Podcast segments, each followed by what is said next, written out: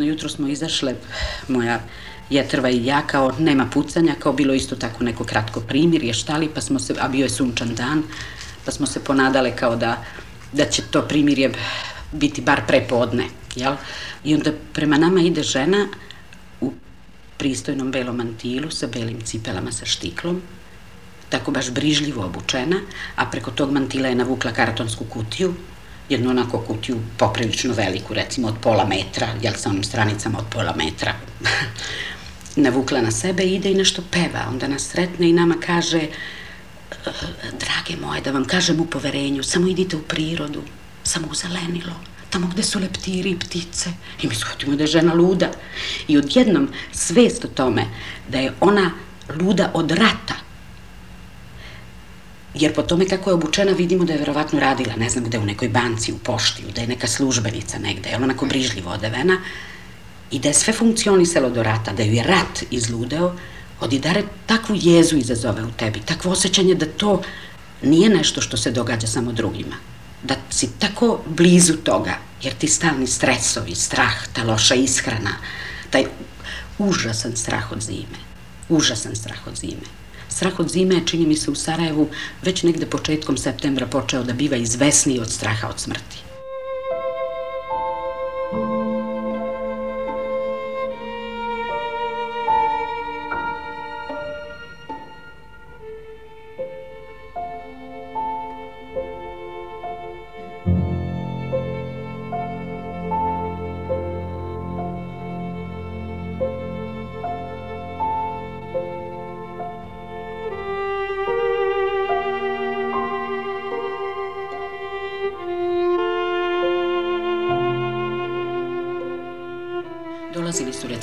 Pretresaju kuću, te neke samozvane sarajevske policije, te ti neki momci tamo koji su verovatno bi trebalo da budu domovima za maloletne prestupnike.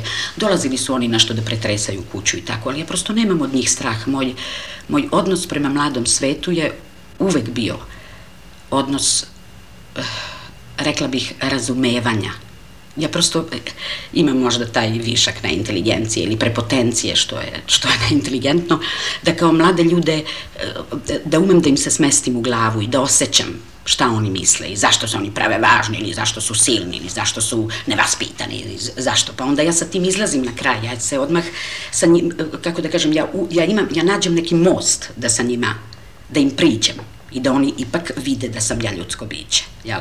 Pa se te te se radi toga nisam bojala. Ja sam čak jednom i vikala na njih, došlo ih je petoro i rasporedili su se, ono, jedan u kuhinju, jedan u kupatilo, jedan u klozet, jedan u jednu sobu, drugi u drugi, odjednom i, ono, okupirali prosto stan, a svi imaju puce na, na leđima i pištolje i noževe i mislim svašta imaju uopšte. I ja sam dreknula, onako baš dreknula, svi natrag, Ne znam ja da li će neko od vas da mi ostavi pušku iza klozeta i da tvrdi da je moja i da sam ja snajperista. Natrag vi sa mnom, sve ćete pregledati, sve što vas interesuje, sve dignite parket ali da ja budem uz vas. I u pretresu ima nekog reda zakonskog. Onda su malo onako narogušeno ko u štatinama babac i tako, međutim, međutim pristali su. Jer ja nisam bila zla. Ja sam im rekla jednu ružnu stvar, da im ne verujem, ali sam to rekla kao starija mlađima, bez mržnje. I oni su prosto naprosto stvarno pristali na to da sa njima, ne znam, moj muž uđe u jednu sobu, ja u drugu, sve su pomerali, vadili su čitave redove, redove knjiga, mi imamo tu veliku biblioteku da vide da li tu ima snajper, čak su otvarali male fiokice u koje ne može ni pištolj da stane, ali su se pravili jako važni, detaljno su sve to pretresali, ali ja nisam imala straha od njih i oni nisu bili grubi. Osim što su jako detaljno, vrš, savešno vršili pretres. Ali kažem, ja inače i na ulici od svih tih mladih ljudi, prosto ja, ja nisam nikad od njih imala strah.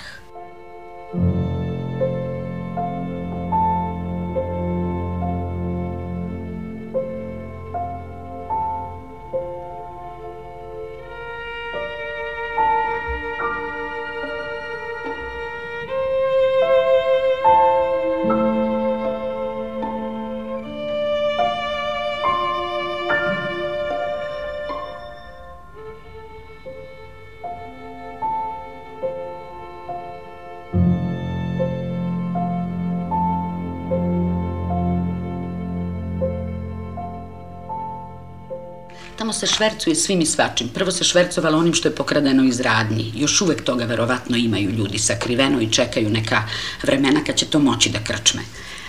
Ali recimo normalno oslobođenje je pisalo o tome da su jednom od tih lopova našli četiri tone sira koji je stigao kao pomoć. Četiri tone sira je. Čovjek zatvorio u neku svoju garažu, ne znam gde je to smestio.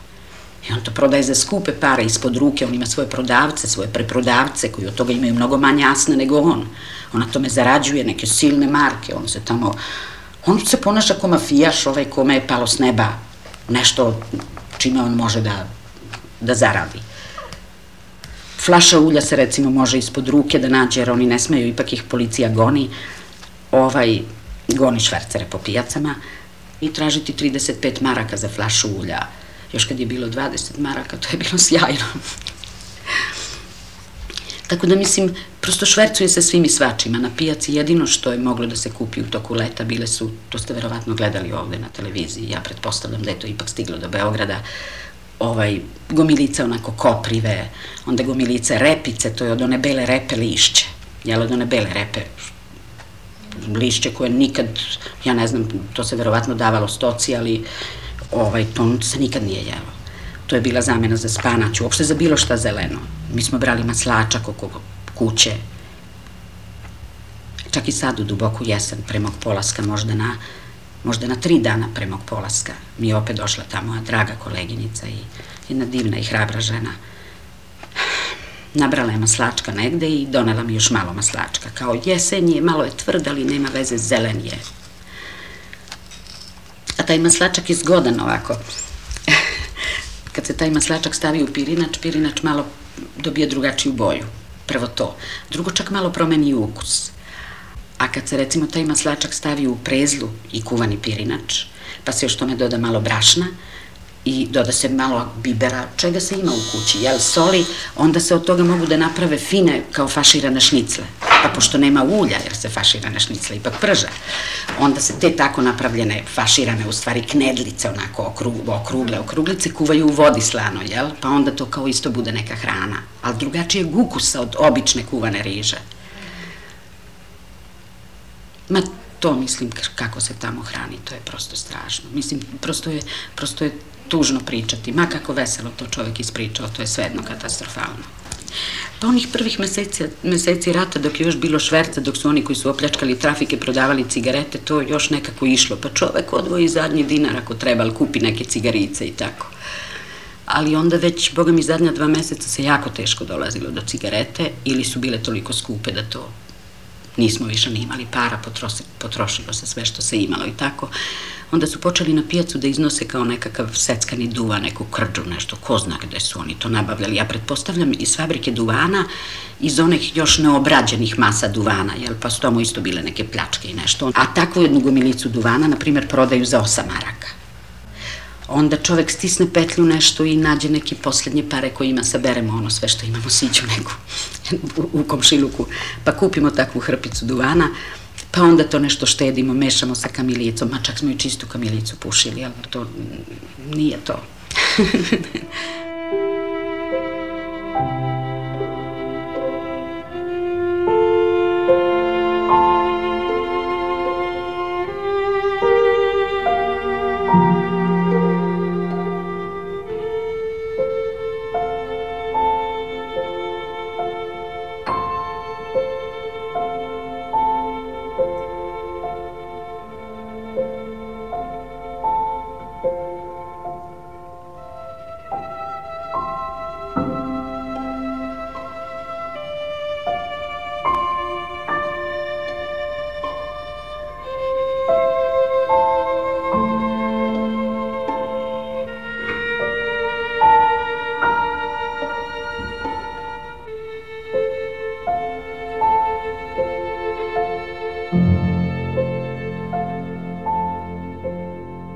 moja prijateljica i ja smo recimo jednog dana išle u taj crveni krst jer sam uporno ganjala taj, da, da, da dođem na tu listu za konvoj, da dođem na tu listu za konvoj.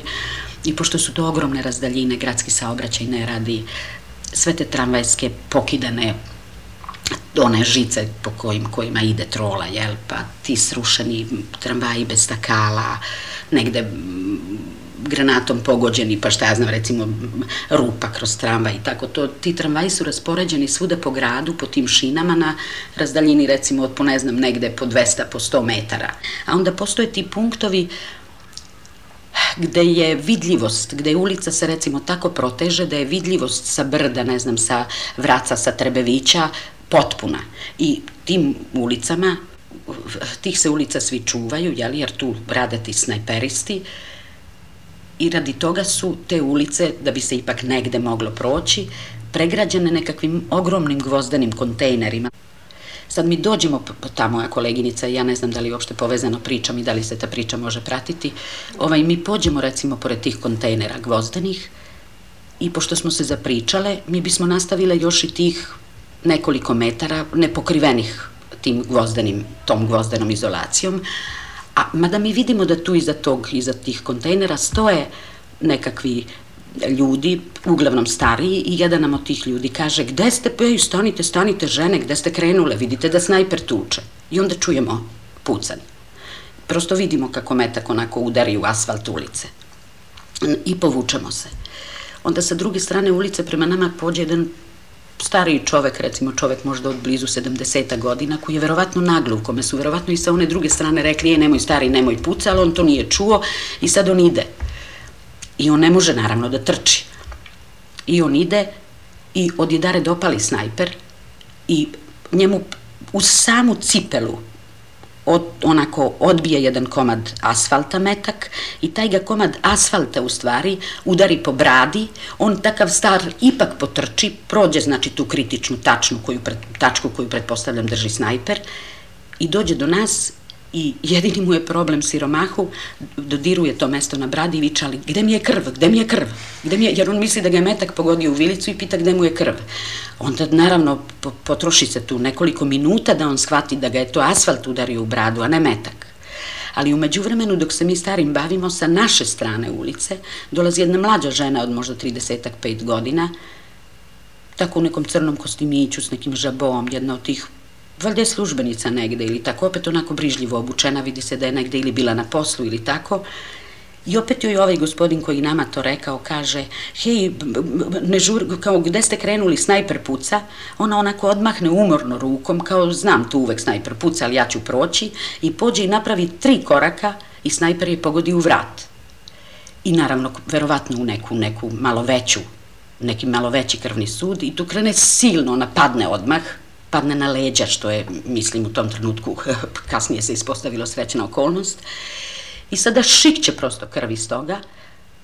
Mi se nalazimo na metar i, i po, maksimum metar i po od nje i niko ne sme da, da joj priđe, da joj pomogne da izvuče, jer će samo leći isto preko nje.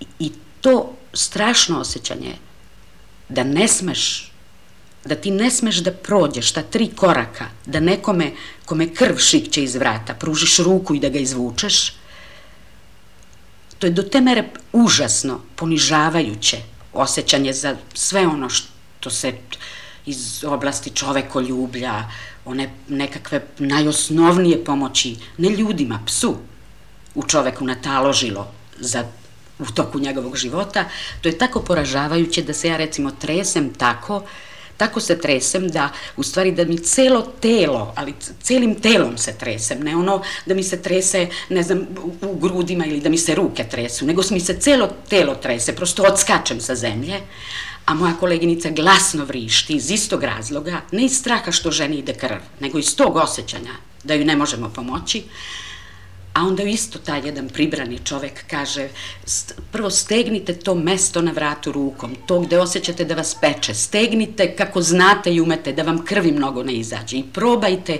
da se potiskujete nogama, stopalima u asfalt, da taj metar i po sami premostite, mi vam ne smemo prići, jer ni nama onda neće imati ko da pomogne. I za to vreme snajper i dalje uporno puca, pored nje, mislim ovako zapravo iznad nje, jer on je verovatno nema više u onom svom određenom fokusu, jel, kako snajper izdrži jedan određeni fokus i tu poteže, ali zna da je pogodio i on i dalje zastrašuje ostale.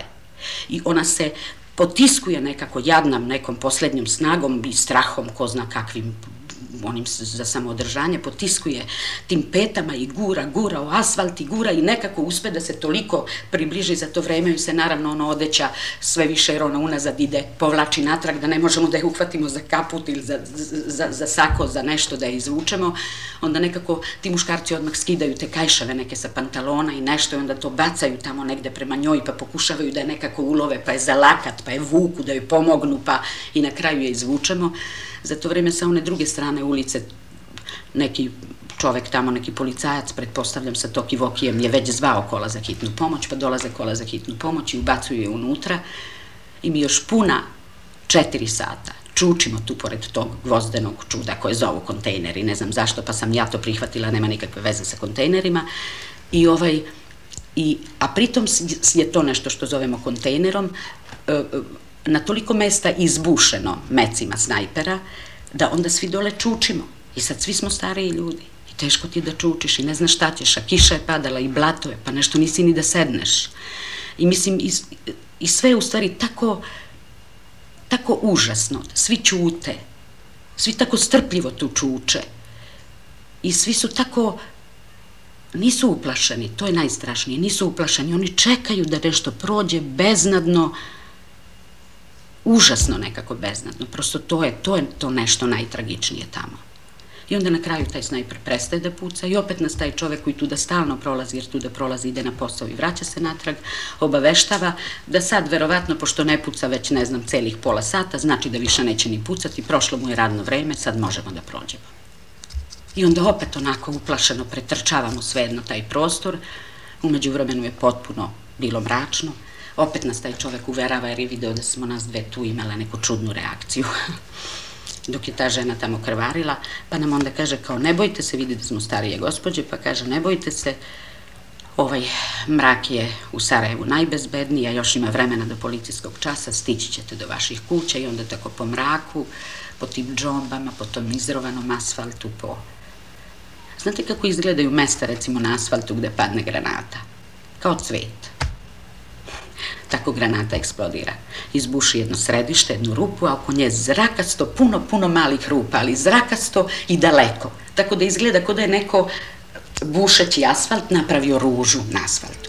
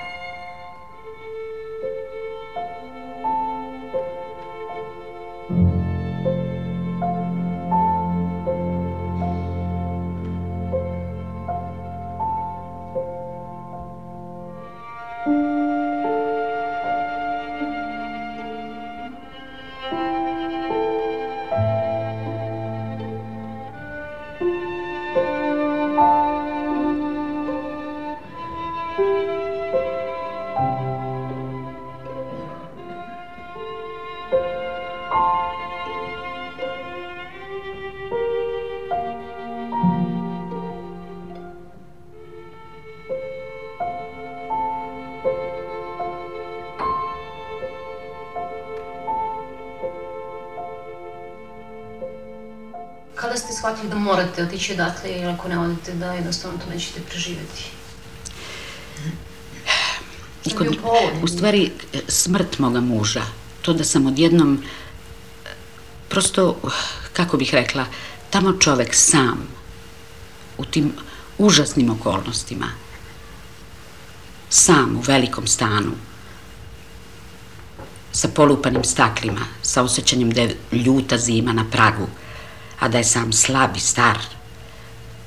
Prosto ne može da ne može da poveruje da će ostati živ. Ja i sad znam da bi me jedna obična gripa, da sam u toku zime ostala u Sarajevu, ovaj, usmrtila. U sobi u kojoj već u sep, krajem septembra meseca na večer para iz usta, ono, pre, svi smo kandilca neka bili napravili, neke svetiljke, onako, pa nemamo ulja, nešto, opet čovjek sipa malo ulja u to kandilce, bar malo da mu ne, neki žižak svetli, kad nema gradskog svetla, kad nema nikakvog svetla, oblačno ili je magla, onda je takva užasna pomračina da je to prosto nepodnošljivo. Onda čovjek računa sutra ću jesti rižu bez zejtina, samo u slanoj vodi skuvanu, ali ću upaliti kandilu, jer čovjek to ne može da podnese prosto psihološki. Ali onda kad mi je muž umro u toj, u toj i takvoj samoći, ja sigurno ne bih opstala. Onda sam počela da mislim o odlasku. A pre toga je mnogo više o odlasku mislio moj muž nego ja. Ostala sam tamo, prosto naprosto, ja nisam verovala u taj rat. Kad se pojavio i kad je počelo pucanje, ja i dalje nisam verovala, mislila sam da to ne može da traje duže od 15 dana. I svaki put sam tako još po 15 dana mislila, ma to ne može, pa nema logike, pa to ne može. I čoveku tako vreme prolazi. A onda, kod svih ljudi, ovaj, kad već jednom odu u penziju, postoji osjećanje da ono što su u životu eventualno uradili, uradili su. I što naravno bedno zvuči, ali je tačno i u svima isto i ono što su stekli, stekli su. Mislim, prosto to, to, ne, to ne znam, svi ti ljudi koji su ostali u mom komšiluku, stariji ljudi koji su decu poslali na vreme, ili bar u zadnji čas kao mi, su ostali upravo zato što nisu znali kuće. Prosto, prosto kud. A onda kad mi je muž umro, sve to potpuno postalo nevažno, sasvim sve jedno kuću. Ja samo znam da ja tamo ne mogu i to ne toliko iz straha da ću umreti, ne toliko iz straha da ću umreti, nego iz straha da ću tom smrti da će ta moja smrt zapravo naneti toliko mnogo toliko mnogo bola ili kaljanja ili osjećanja griže savesti mome sinu pre svega, jel? I tako strašno mnogo bola onima koji su mi najbliži, mom bratu, njegovoj deci i tako, da je prosto naprosto daleko jednostavnije da im trajno do kraja života smetam.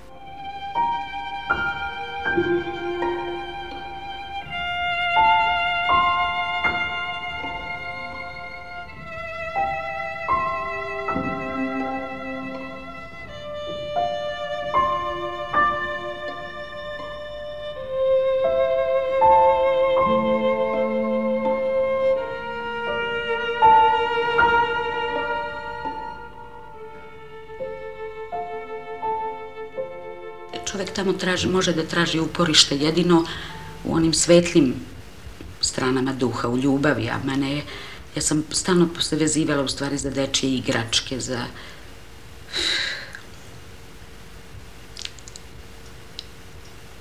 To uvek u stvari, čovek ostaje živ, rekla bih i čovek crpe volju i može da iscrpe samo iz ljubavi. I što je strašno, iz mržnje znači iz dve, iz dve, ja, iz dve jake emocije. Neki ljudi tamo iz mržnje crpu energiju, inficirani su mržnjom. Oni su bespomoćni u svojoj mržnji, kao i ja u svojoj ljubavi. Ja njuškam dečje stvarčice, pokušavam još da nađem trag mirisa mojih unuka, njihova je mržnja isto tako potpuno, mislim, ona se nigde iskazati ne može, to su obične žene, mislim, koje prosto tako, koje samo ište paklene mržnje, iste, stići će ih kazna što nam ovo rade i tako iz toga crpu verovatno neku energiju da opstanu, da izdrže dan.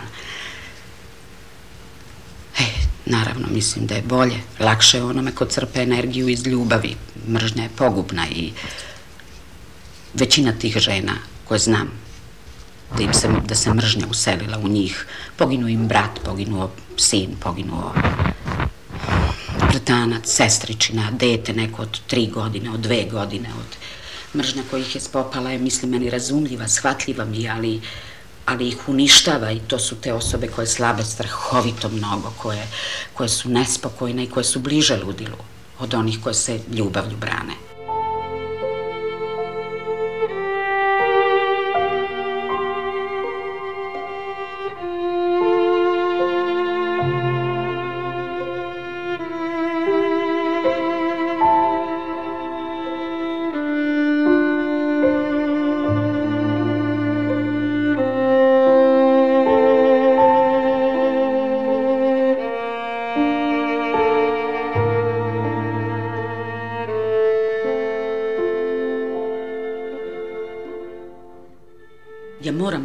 Iskreno kažem da ono što će verovatno, što u meni možda nikad neće proći, to je upravo ta moja zgroženost nad, nad dvonošcima.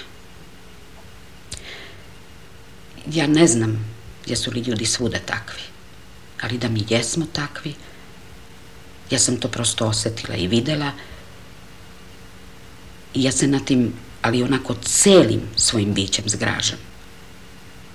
To je prosto, to je prosto neverovatno. Kako je moguće, je li moguće uopšte da masa, jer ono što je jedinka čovek nekako i ume da razume, ali zar je moguće da je masa do te mere neinteligentna, do te mere, do, do te mere u stvari, do te mere jedan ogromni mnogoglavi idiot. To je nešto s čime se čovek teško miri. A, a, a to, to se ume, taj utisak u meni neće proći. I tu se negde prekida ne moj optimizam, nego moja ona obična, mala ljudska nada.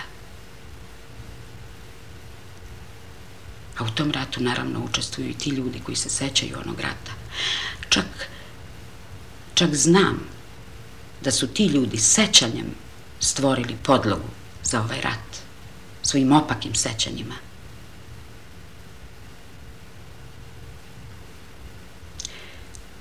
Zlo se inače duže pamti nego dobro. I to nam je valjda nekakav, nekakvo naše evolutivno nesavršenstvo. Tu negde nismo odrasli. Ali da mu ne možemo inteligencijom se suprotstaviti i da tome ne možemo, da prosto da ne možemo da to ne možemo prevazići, očigledno ne možemo, to mi ne ide u glavu. Ne mogu da shvatim prosto čoveka koji bi se dobrovoljno javio u rat. Tamo negde. Tako, da ubija. Ili kako bih mogla da shvatim čoveka koji iz jednog grada, koji voli, za kojim pati, ode i taj grad koji voli i za kojim pati ruši. Možda sam tu, ja tu za nešto uskraćena, za neko osjećanje koje drugi imaju, ali imam prava da na osnovu ovog rata kažem da to osjećanje mnogo više ponižava nego što čoveka čovekom čini.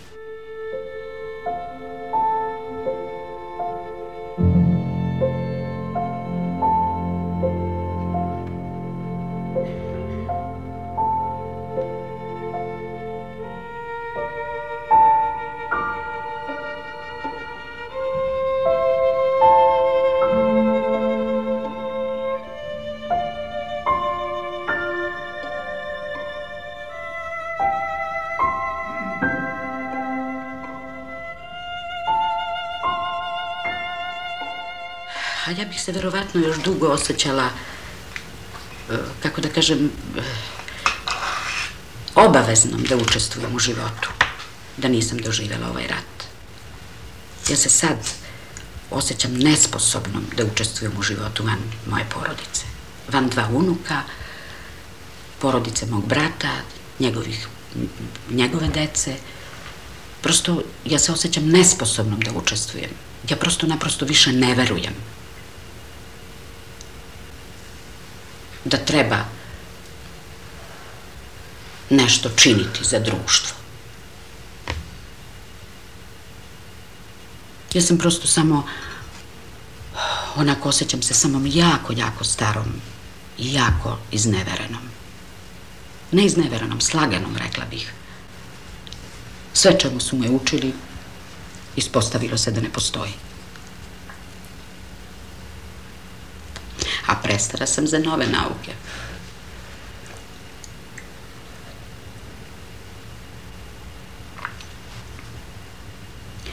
Mislim da će svi ljudi iz tog rata, i oni mladi,